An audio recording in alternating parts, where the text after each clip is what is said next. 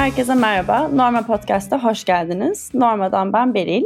Bugünkü konuğum Hippo Labs ve Tinyman'ın kurucu ortağı Kaan Ayrılmaz. Hoş geldin Kaan, nasılsın? İyiyim Beri, çok sağ ol. Çok teşekkürler davet ettiğin için. Sen nasılsın? Rica ederim, ben de iyiyim. Çok sağ ol vakit ayırdığın için. Hemen başlayalım istersen. Bize biraz kendinden bahsedebilir misin ve şu anki misyonun nedir? Tabii. E, ismim Kaan Er Yılmaz. Blockchain alanında Tinyman isimli bir DeFi ürününün founder'ıyım. Bunun dışında da Hippo diye bir ajansın kurucu ortaklarındanım. Aslında kariyerim Bilgi Üniversitesi VCD üzerine Parsons'da Design and Technology ile başladı. Ve arayüze ilgim burada gelişti. E, Hippo'da da arayüz takımını kurdum. Ve bir sürü ürünün tasarımında yer aldım. Bundan sonra kariyerim hızlı bir değişim geçirdi. Son iki senedir de kendi ürünümü yönetiyorum. Ve burada bir takım kurma, e, VC yatırımları toplama ve tabii blockchain'in getirdiği başka e, sektörel problemleri çözmekle uğraşıyorum. Şimdilik böyle diyebilirim evet. Bayağı e, keyifli bir süreçten geçiyorsun gibi duyuluyor.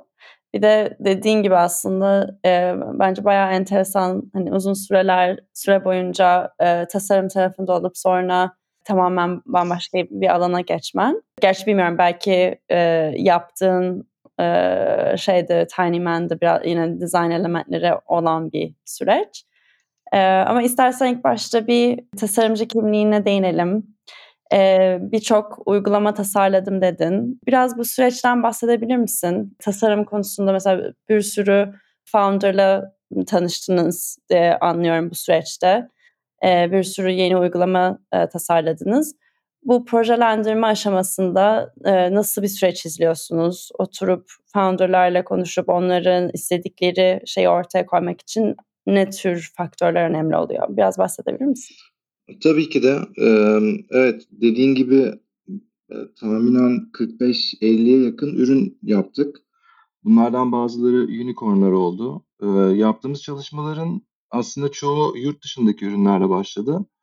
Biraz da şirketin büyümesi word of mouth'la oldu Hippo tarafında. bunun içerisinde tabii üç ortağım var. Yiğit, Serkan ve Taylan. Onların da çok emekleri vardır. Ama ben dizayn tarafından sorumluyken e, Taylan daha çok iOS frontend e, ve CEO'luk rolündeydi. Yiğit CTO'luk rolündeydi. E, Serkan da bütün managerial ve project management işlerinden sorumluydu. Aslında herkesin kendi dikeyleri vardı ve founderlarla iletişim kurduğumuz zaman bütün bu alanlarda hizmet veriyorduk. Benim başlangıçta aslında Parsons'da aldığım eğitim üzerine e, arayüze bir ilgim oluştu. Çünkü teknoloji daha yeni yeni e, gelişiyordu ve mobile interface üzerine çok ciddi e, yeni şeyler e, görmeye başlamıştık. İşte iOS ilk defa tanıtılıyordu. Orada yeni artık elle dokunacağımız bir arayüzün nasıl olacağı planlaması ve onun tasarımıyla uğraşmak e, çok ilgimi çekmişti. E, çünkü insanın aslında teknolojiye dokunduğu tarafı tasarım tarafı. Yani o butonları vesaire o ekranlara baktığımız tarafı arka tarafta çok ciddi bir iş olsa bile genelde end user'ın e, ilgisini çeken taraf tasarımın nasıl oldu yani uygulamayı nasıl kullandığı. Biz Hippo'yu kurduğumuzda aslında çok bir roadmap yoktu. Birkaç tane müşterimiz vardı. Ee, bir tane education alanında Moment diye bir ürünle uğraşıyorduk. Ondan sonra Robinhood'la bir iletişim içerisine geçtik ve Robinhood ilk kurulurken onların kurulma aşamasında birkaç projede çalıştık. Burada da trading software'lerin nasıl daha basit, simplified UI'larla e, kullanıcıya sunulabileceği üzerine gittik. Ve e, bu birkaç müşteriden başlayarak e, yayılmaya başladı şirketin bilinirliği. Geldiğimiz noktada founderlarla aslında artık o kadar fazla proje yapıyorduk ki bir de özellikle sevdiğimiz ve katkı sağlayabileceğimizi düşündüğümüz işler almaya çalışıyorduk. Yani ilgimizi çeken bir sürü farklı alanda projeye dahil olduk atıyorum LiDAR scannerlarla çalıştığımız projelerde oldu ya da yapay zeka ile image recognition software üzerine çalıştığımız projeler oldu. Bir sürü merak ettiğimiz konu üzerine fokus olmaya çalışıyorduk ki kendimiz de motivasyonumuzu aslında bu alanda sağlayabilelim. Bir yerde founderlarla bir ortak oluyorsunuz proje başlarken ve onların işini onlar kadar iyi algılamanız gerekiyor. Yani iyi bir ürün çıkartabilmeniz için o founder'ın rakiplerini de tanıyor olmanız lazım. O sektörde nereye hedeflediğini de biliyor olmanız lazım. Kullanıcı base'ini de biliyor olmanız lazım ve hatta ürünün bir kullanıcısı olmanız lazım. Bütün bu olanlarda aslında founder'larla ortak çalışıp daha sonrasında tek karışmadığımız alan marketing ve e, şirketin büyümesi alanı oluyordu. Bu şekilde bir sürü projede dahil olduk. İşte Türkiye'de de e, Getir'le çalışma şansımız oldu. Ki o projede ben aslında bir end user'ın ta kendisiydim ve kendi yaşadığım problemleri çözmeye çalışıyordum. Bence zaten iyi bir dizayn çıkmasının sebebi de yani sebeplerinden birisi de bu oluyor. Yani bizim bir ajans olarak bir end user olarak kendimizi görmemiz ve kendi problemlerimizi çözmeye çalışırken aslında founder'ın problemlerini çözüyor olmamız. Evet çok mantıklı bir noktaya dokundun tabii ki. Bayağı da keyifli bir serüvenden geçmişsiniz gibi duyuluyor. Peki sence iyi bir designer olmak tam olarak nedir? Dediğin gibi e, yani biraz dokundun aslında. Kendi yaşadığın problemleri çözmeye odaklanıyorsun ve hani founder gibi oluyorsun olduğun projelerde. Peki yani mesela hiç senin alanın olmayan bir sonuçta bir projeye de dahil olabilirsin ve alakan olmayan. Orada mesela nasıl kendini içine sokuyorsun ya nasıl bir süreç e, gidiyorsunuz? Evet yani güzel bir soru. Açıkçası e, bu herkesin içinde olan bir yetenek mi bilmiyorum ama ben kendimi çok e, yani bir şeyleri araştırmayı seven bir kişiliğim var ve çalıştığım projelerde genelde o şekilde e, yaklaşıyordum. Yani business tarafını da merak ediyordum. Yani bu, bu şirket nereden revenue kazanacağı da merak ediyordum. Ya da başka alanları da merak ediyordum. Bir de iyi bir tasarımcı olmak sadece ürünün tasarımıyla kalmıyor aslında. Bence teknolojik yapılabilecek e, limitasyonları bilmek bizim zaten ortaklar arasındaki e, dinamiğin iyi çalışmasının sebeplerinden biri benim onlar sayesinde ne kadar uçabileceğimi biliyor olmamdı açıkçası ya da ben bir şeyleri fazla push ettiğim zaman onlardan pushback geldiğinde limitasyonlarım içerisinde iyi tasarım yapabilmek. Yani kullanılabilir bir ürün çıkarmak yani muhteşem bir tasarım yapabilirsiniz ama kullanılabilir değilse, son kullanıcı tam çözemiyorsa ya da atıyorum bir şey geliştirmesi bir buçuk yıl sürüyorsa aslında iyi bir tasarım çıkarmış olmuyorsunuz. Yani piyasaya ne zaman gireceğinden market koşullarına bir sürü faktör var. Ee, tabii bunların hepsini e, düşünebilmek çok zor bir şey. Ama iyi tasarım leadleri aslında tasarımcılarını bu yönde e, yönlendirebilir. Yani bazı şeylerin çok da uygun olmadığı konuları da uyarıp bazı yerlerde de tamam burada özgürsün bakalım ne çıkıyor e, verebilmesi lazım. İyi bir tasarımcı olmak yani iyi bir ürün sahibi olmaktan geçiyor bence. E, kendimi o çalıştığım projelerde genelde o startup'ın sahibi ben olsaydım ne isterdim ben yola çıkıp ondan sonra çok uçuk fikirlerim varsa onları törpülemek e, ya da hiç düşünmediğim şeyler varsa onları diğer alandaki çalışan arkadaşlarla konuşarak keşfetmekten geçiyordu.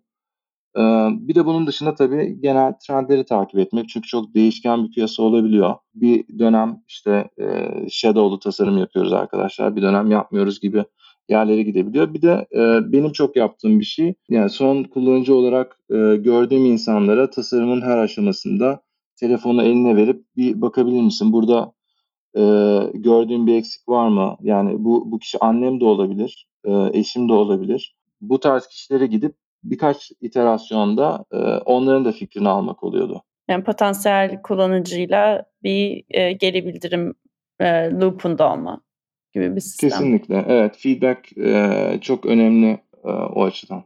E, şimdi biraz daha e, yeni e, uğraş yeni uğraşına odaklanalım. Biraz şeyden bahsedebilir misin? Senin kripto ile ilk temasın nasıl oldu? Nasıl duydun ve bu konuda nasıl kendini geliştirdin? Tabii ki. Aslında yani kriptoyla ya işim gereği zaten hep yeni teknolojileri merak edip araştırıyordum. İlk e, Bitcoin hakkında 2013'te galiba bir şeyler okumaya başlamıştım ve ilgimi çekmişti. Fakat bana dokunan bir konu olmadığı için çok derinlemesine girmemiştim. Ha enteresanmış, güzel fikir deyip kenara koymuştum. Ondan sonra 2015 civarında kendi yolculuğumdan çıkan yani yurt dışına göndermem gereken bir miktar para vardı. Bunu yaparken ne kadar zor bir süreç olduğunu first hand yaşayıp görünce bu sistem aslında çok da mantıklı yani kendim de zaten hep kullanıcı deneyimi geliştirmekten geldiğim için bu kullanıcı için çok kötü bir deneyimmiş ya. Bunun daha iyi bir yolu yok mu sorusu geldi. Bunun dışında da bulunduğumuz ülke sebebiyle enflasyon olsun paranızın değerini korumaya çalıştığınız için farklı araç araçlar bulmaya çalışıyorsunuz. Yurt dışındaki stoklara yatırım yapma deneyimleri olsun, başka şeyler olsun e, hep zorlandığım ve buralarda böyle patinaj çektiğimi gördüm ve bunun bir alternatifi yok mu diye araştırmaya başladım ve o sırada tekrardan Bitcoin karşıma çıktı. Bu sefer daha ciddi bir şekilde girmeye başladım ve o sırada tabii e, bir buğran yaklaşıyordu. Onun da getirdiği bir e, hype oluyor insanda. Biraz bu işin içerisinde ufak da olsun, yani ufak demeyeyim hatta gambling psikolojisi de var. Bir şeylerin arttığını görünce orada da bulunmak istiyorsunuz. Başka bir heyecan oluşuyor, orada bir community oluşuyor derken kendini bir anda bayağı e, boş vakitlerinde sadece kripto ile ilgilenir. Onun dışında da iş hayatında diğer ürünleri tasarlarken buldum ama kripto çok e, ilgimi çeken bir alanda. Daha sonra bu benim işimin içerisine entegre oldu. Şöyle entegre oldu. Bizi bir sürü blockchain şirketi artık para kazanmaya başladıkları için ajans olarak bize gelmeye başladılar. Çünkü ürün yapmak istiyorlardı. Bunlardan bir tanesi de Algorand mesela. İşte bize cüzdan yaptırmak için geldiler. Çünkü orada da Robinhood referansıyla gelmişlerdi. Yurt dışındaki firmalardan da bahsediyorsun. Tabii tabii. E, ağırlıklı olarak yurt dışı zaten. E, birkaç tane blockchain'li işte Polkadot olsun, e, Blockstacks olsun ya da Amerika'daki birkaç exchange Coinlist'le çalıştık. O dönemde bir sürü bize blockchain şirketi gelmeye başlayınca çünkü bir yandan da portfolyomuz Robinhood ve onların referansıyla gelen projelerden e, fintech heavy gitmişti. E, o alanda da yurt dışında birkaç tane şirkette çalışmıştık ve o, oradan biz bir anda kendimizi ajans olarak 3-4 tane blockchain projesi içerisinde bulduk. Bir anda benim e, hobimle işim e, merge etmeye başladı ve kendimi bu alanda daha da fazla geliştirmeye başladım. Aslında kriptoya girişim hem doğal yöntemlerle hem de işim yöntemiyle olmuş oldu. Ne güzel. Peki Tiny Man'in ben biraz bahsedebilir misin? Nasıl bir araya geldi? E, Tiny Man'de ne yapıyorsunuz ve kimin için yapıyorsunuz bunu? Tabii ki. Um, Tiny Man aslında bir Hippo inisiyatif olarak başladı. Benim lead ettiğim bir proje oldu. Ee, burada dediğim gibi işte biz Algorand'la çalışıyorduk. Bu sırada ben e, blockchain alanını takip ediyordum. Aslında blockchain çok daha spekülatif bir alandı. E, bu teknolojiyle bir sürü ürün yapılabileceğini öngörebiliyorduk ama bunun e, gerçekleştirilmiş bir örneği aslında çok da somut olarak yoktu elimizde. E, o dönem e, DeFi ilk çıktığında işte Uniswap'la aslında bende bir ışık yandı. Yani bu gerçekten e, on-chain çalışabilen bir exchange, smart contract'larla çalışabilen bir exchange olabiliyor. Yani blockchain'de verification'la e, third partilerden kurtulup artık e, peer-to-peer transaction yapabileceğimiz bir dünya gerçekleşebiliyoru gördüm. E, artık teoriden çıkmış ve önümde duran bir ürüne dönüşmüştü. Ve bunun gibi bir sürü DeFi ürünleri ilgimi çekmeye başladı. Çünkü e, yine ilk başta yaşadığım finansal dünyadaki o sürtüşmelerin daha az olduğu ve e, güvenin artık tamamen teknolojiye devredildiği, ortadan third partilerin çıktığı bir sistem vardı. O ilgimi çok çekti. E, fakat bu sistemde de o zamanlar Ethereum üzerindeydi genelde transaction'lar ve network fee'ler çok yüksekti. Yani yine dahil olabilen insanlar atıyorum transaction başına 100 dolarlar, 200 dolarlar kadar ödemesi gerektiği bir dünyadan bahsediyoruz ve bu aslında blockchain'in e, çıkma sebebine counterintuitive. Çünkü blockchain herkese finansal özgürlük sağlamak amaçlı çıkmış bir teknoloji. Burada ben de Algorand'ın da tekrardan smart contract'lerini e, piyasaya e, çıkarttığını öğrenince internal takımdan Algorand'da da bir DeFi dünyası gelişeceğini e, sezdim. Ve Algorand'daki transaction fee'ler çok çok daha düşük. Yani e, birkaç sent bile değil bazen. O yüzden aslında e, şöyle düşündüm teori, teoride e, biz bunu Algorand üzerinde yaparsak aslında bu Ethereum'daki DeFi dünyasına aksesi olmayan insanlara başka bir platformda akses vermiş olacağız. Ve çok daha sustainable olacak. Yani bir, birisi 2 dolar 5 dolar bile transact edebilecek. O yüzden de ismi aslında Tiny Man yani hani her nasıl bir yerden geldiğinizden bağımsız olarak küçük insanların da trade edebileceği bir platform olma teorisiyle çıktı. Bu tabii bir fikir aşamasındaydı. Ben bu fikir aşamasında ortaklara gittim. Ya ben Algorand'da böyle bir şey yapmak istiyorum. DeFi diye bir şey var diye anlattım. Onlar da o zaman bir yatırım toplayalım, toplayabiliyorsan bir bakalım dediler ve ben bir anda kendimi böyle her gün VC'lerle konuşup e, böyle bir projem var diye anlatan nokta da buldum. Daha sonra e, ilk yatırımımızı aldık ve Hippo içerisinden bir takım kurup Tinyman'i hayata geçirdik. Yatırımı yaklaşık iki sene önce aldık. Ne kadar, yani bilmiyorum paylaşmak istiyor musun ama ne kadar bir... Tabii tabii. İlk roundda 10 milyon valuation'la 10 milyon dolar valuation'la 2,5 milyon dolar raise ettik. Hı hı. Tabii Bayağı. blockchain'deki valuation'lar biraz daha farklı oluyor ki o zaman o dönemki hype de çok farklıydı. Bir de founder'lar aslında bu asetlerin çoğuna sahip olmuyor. Community'ye dağıtılmak üzerine bir sistem var. Yani Tinyman'in hisselerinin çoğunluğu aslında community'ye gidecek ileride gibi bir anlaşma var orada. Anladım. Enteresan aslında oradaki e, tipik belki şirket yatırımlarından farklılaşma noktası da orası. Peki Algorand'dan bahsettin. Ee, biraz daha neden Algorand'ı seçtiğinizden ve e, anladığım kadarıyla çünkü bir de Algorand'ın biraz da çevre dostu bir yapısı da var. Ondan da bahsedebilir misin e, fiillerinin düşük olmasının üstüne de? Tabii ki. Algorand'da dediğim gibi çok eskiden bir aslında 5 yıla yakın bir ilişkimiz var. Ee, ve e, MIT'den çıkan bir proje. Arkasında Silvio Macali e, var. Kendisi Turing ödüllü ve Zero Knowledge Proof blockchain'in aslında e, building bloklarından biri olan teknolojiyi keşfeden kişi. E, yani çok ciddi ve sağlam bir teknolojik takımı olan bir chain. E, dediğin gibi yani green friendly ve zero emission bir blockchain. E, mining yerine proof of stake ile çalışıyor. Ee, yani makinalarda run, edilen böyle e, ciddi elektrik tüketimi olan bir chain değil. Çok daha basit cep telefonunuzda bile run edebileceğiniz notlar üzerinden çalışıyor. Farklı bir e, mekanizması var. Bunlar bizim için çok çekiciydi. Ayrıca tekno, teknolojik olarak o takımı tanıyor olmanın da bize getirdiği e, avantajlar vardı. Çünkü bir problem yaşadığımızda çok yeni bir chain olduğu için şöyle bir problemle karşı karşıyayız dediğimizde tamam bir sonraki roll-up'ta biz onu involve edelim diyebilecek responsı alabiliyorduk ki bu çok ender aslında bu alanda. Ve nasıl ee, çalıştıklarını da biraz daha aşinasınız herhalde o yüzden. Evet, evet kesinlikle yani ekibinde bildiği bir alanda ve e, sevdiğimiz bir e, chain'de. Tabii bir ürünün başarısı sadece teknik takımından da gelmiyor. Ee, diğer alanlarda da gelişmesi gerekiyor. Zaten bunu görüyoruz. Ama gitgide daha da kompetitif bir e, chain'e dönüşeceğini düşünüyorum üzerine projeler geldikçe.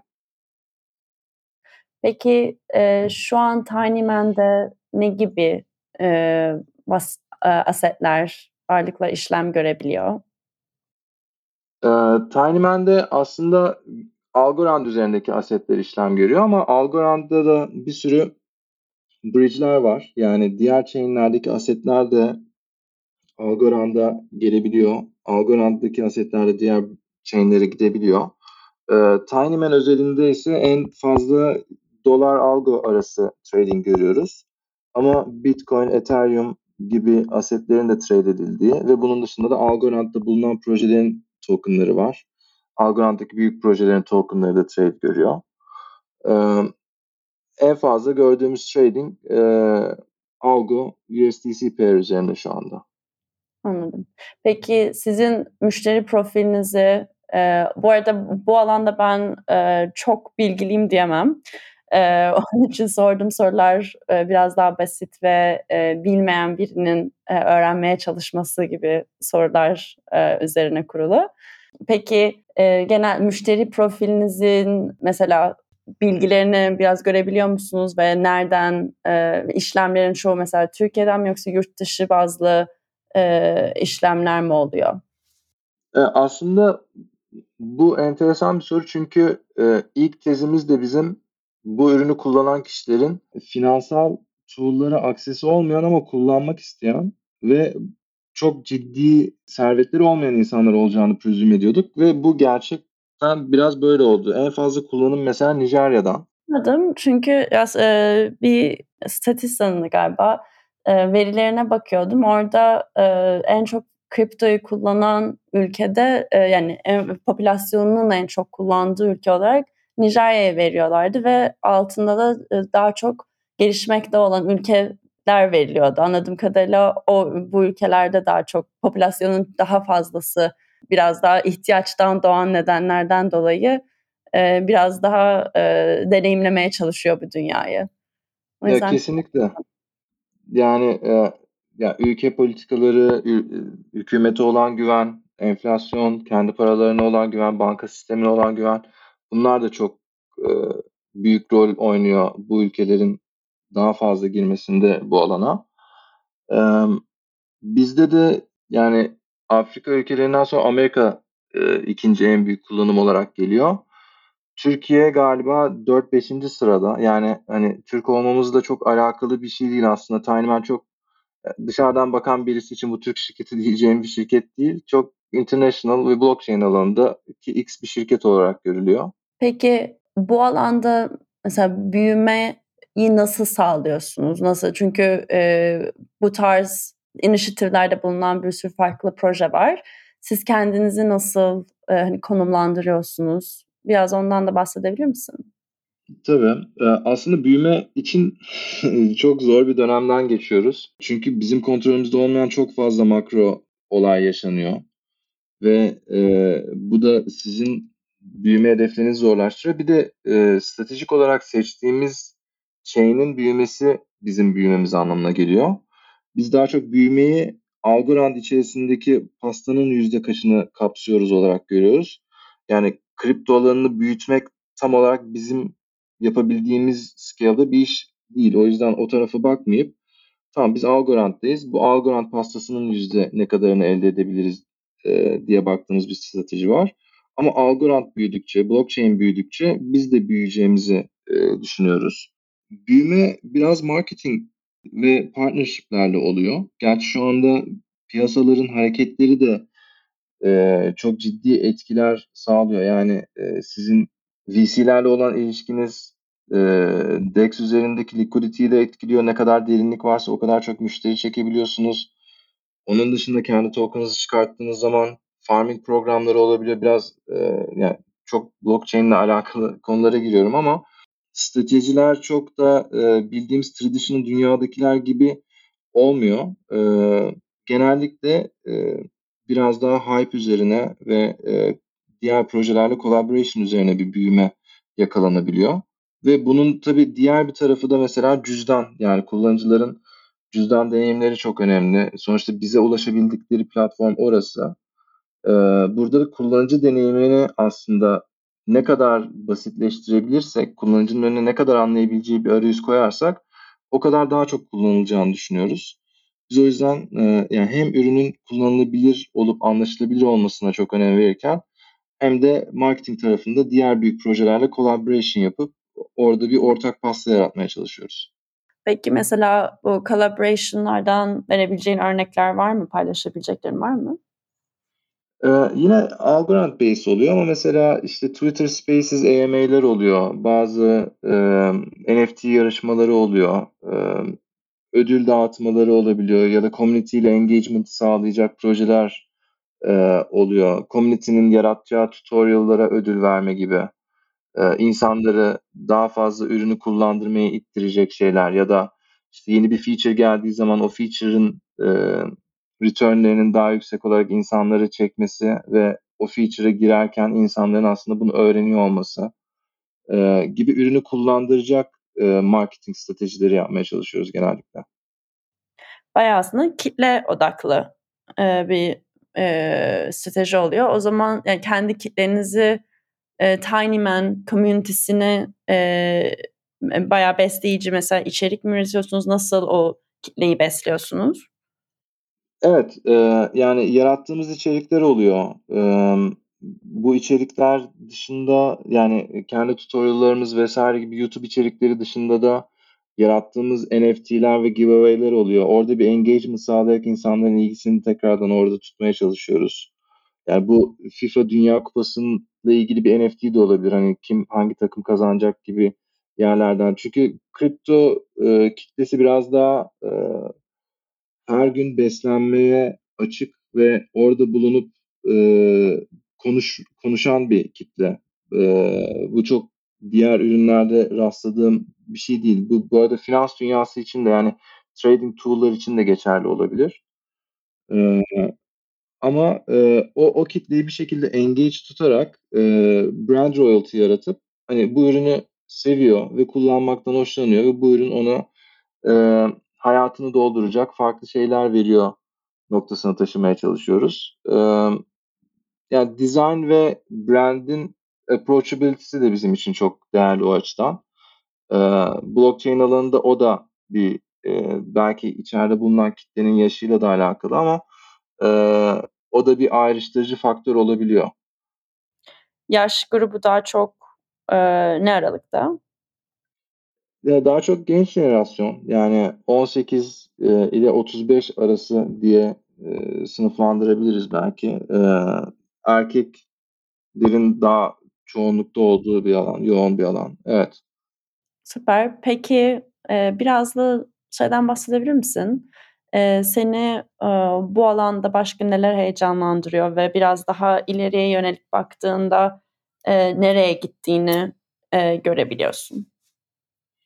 E, yani şu anda bakıldığı zaman biraz e, bulanık bir gelecek varmış gibi görünüyor aslında. Bu biraz daha dediğim gibi makro e, dünyayla da alakalı bir durum.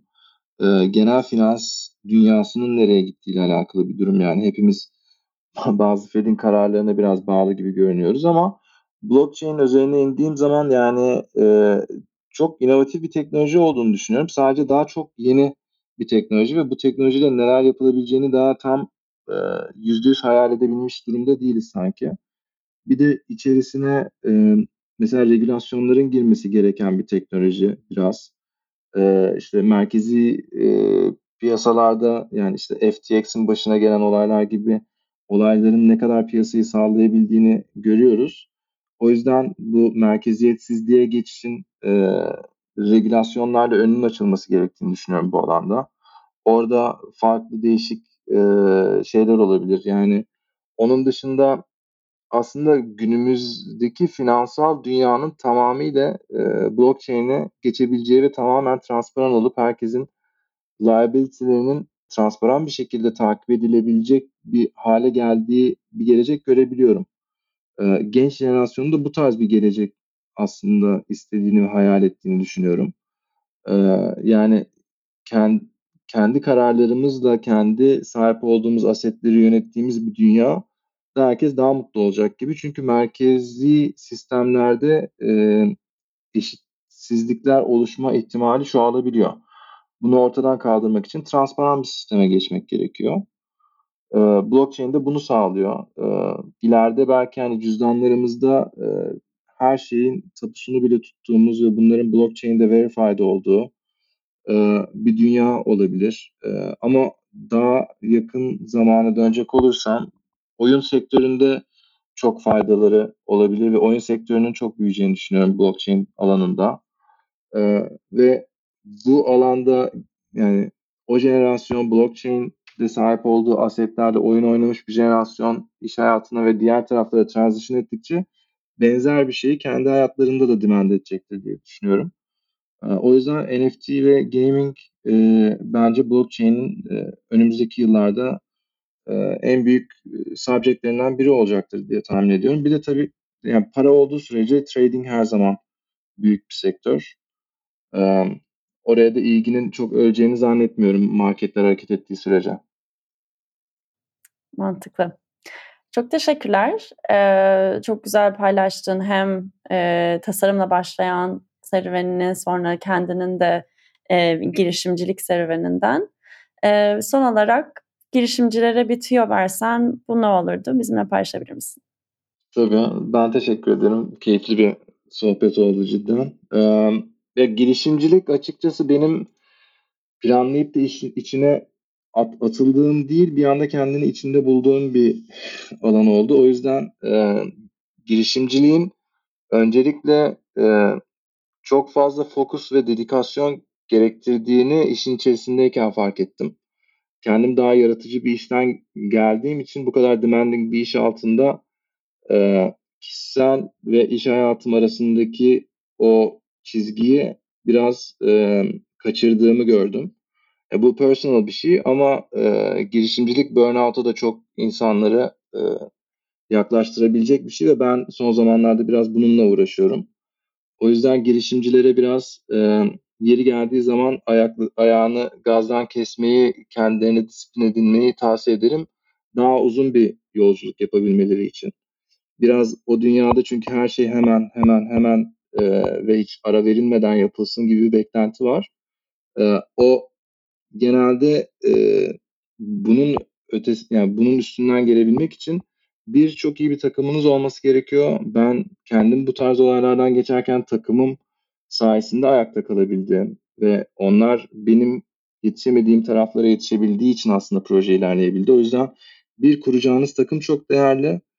İki ben bu şahsi görüşüm ama e, fast growth yerine daha sustainable growth'un daha doğru olduğunu önümüzdeki yıllarda e, daha doğru bir approach olduğunu düşünüyorum. Yani bir anda bir sürü feature yapmak yerine belki bir feature'ı gerçekten iyi yapıp takımı daha yavaş bir şekilde scale edip e, adımlarımızı daha e, dikkatli atmamız gereken bir e, döneme geçtiğimize inanıyorum. E, founder'lara yani girişimcilere vereceğim tüyo dediğim gibi e, kişisel hayatlarıyla iş hayatları arasındaki e, çizgiyi iyi belirlemeleri ve e, yaptıkları işten gerçekten zevk almaları ve e, iyi bir takım kurup o takıma güvenebileceklerini bilmeleri. E, bu da çok kolay değil ama e, yavaş büyüme ve takım kültürüyle olabilecek bir şey. Yani ben e, yani biz ortaklar olarak İPO'da da her zaman birisini işe aldığımız zaman o kişinin karakterine, skill'lerinden daha çok önem verdik. Yani bu bizim her gün çalışmak isteyeceğimiz, muhabbet etmek isteyeceğimiz birisi mi? İlgi alanları bizimkilerle uyuşuyor mu? Ya da yani bir insanın konuşma tarzı şekli bile e, o insan hakkında çok şey söyleyebiliyor. Her ne kadar yetenekli olursa olsun e, arrogant birisiyle çalışmak e, iste, istemeyiz.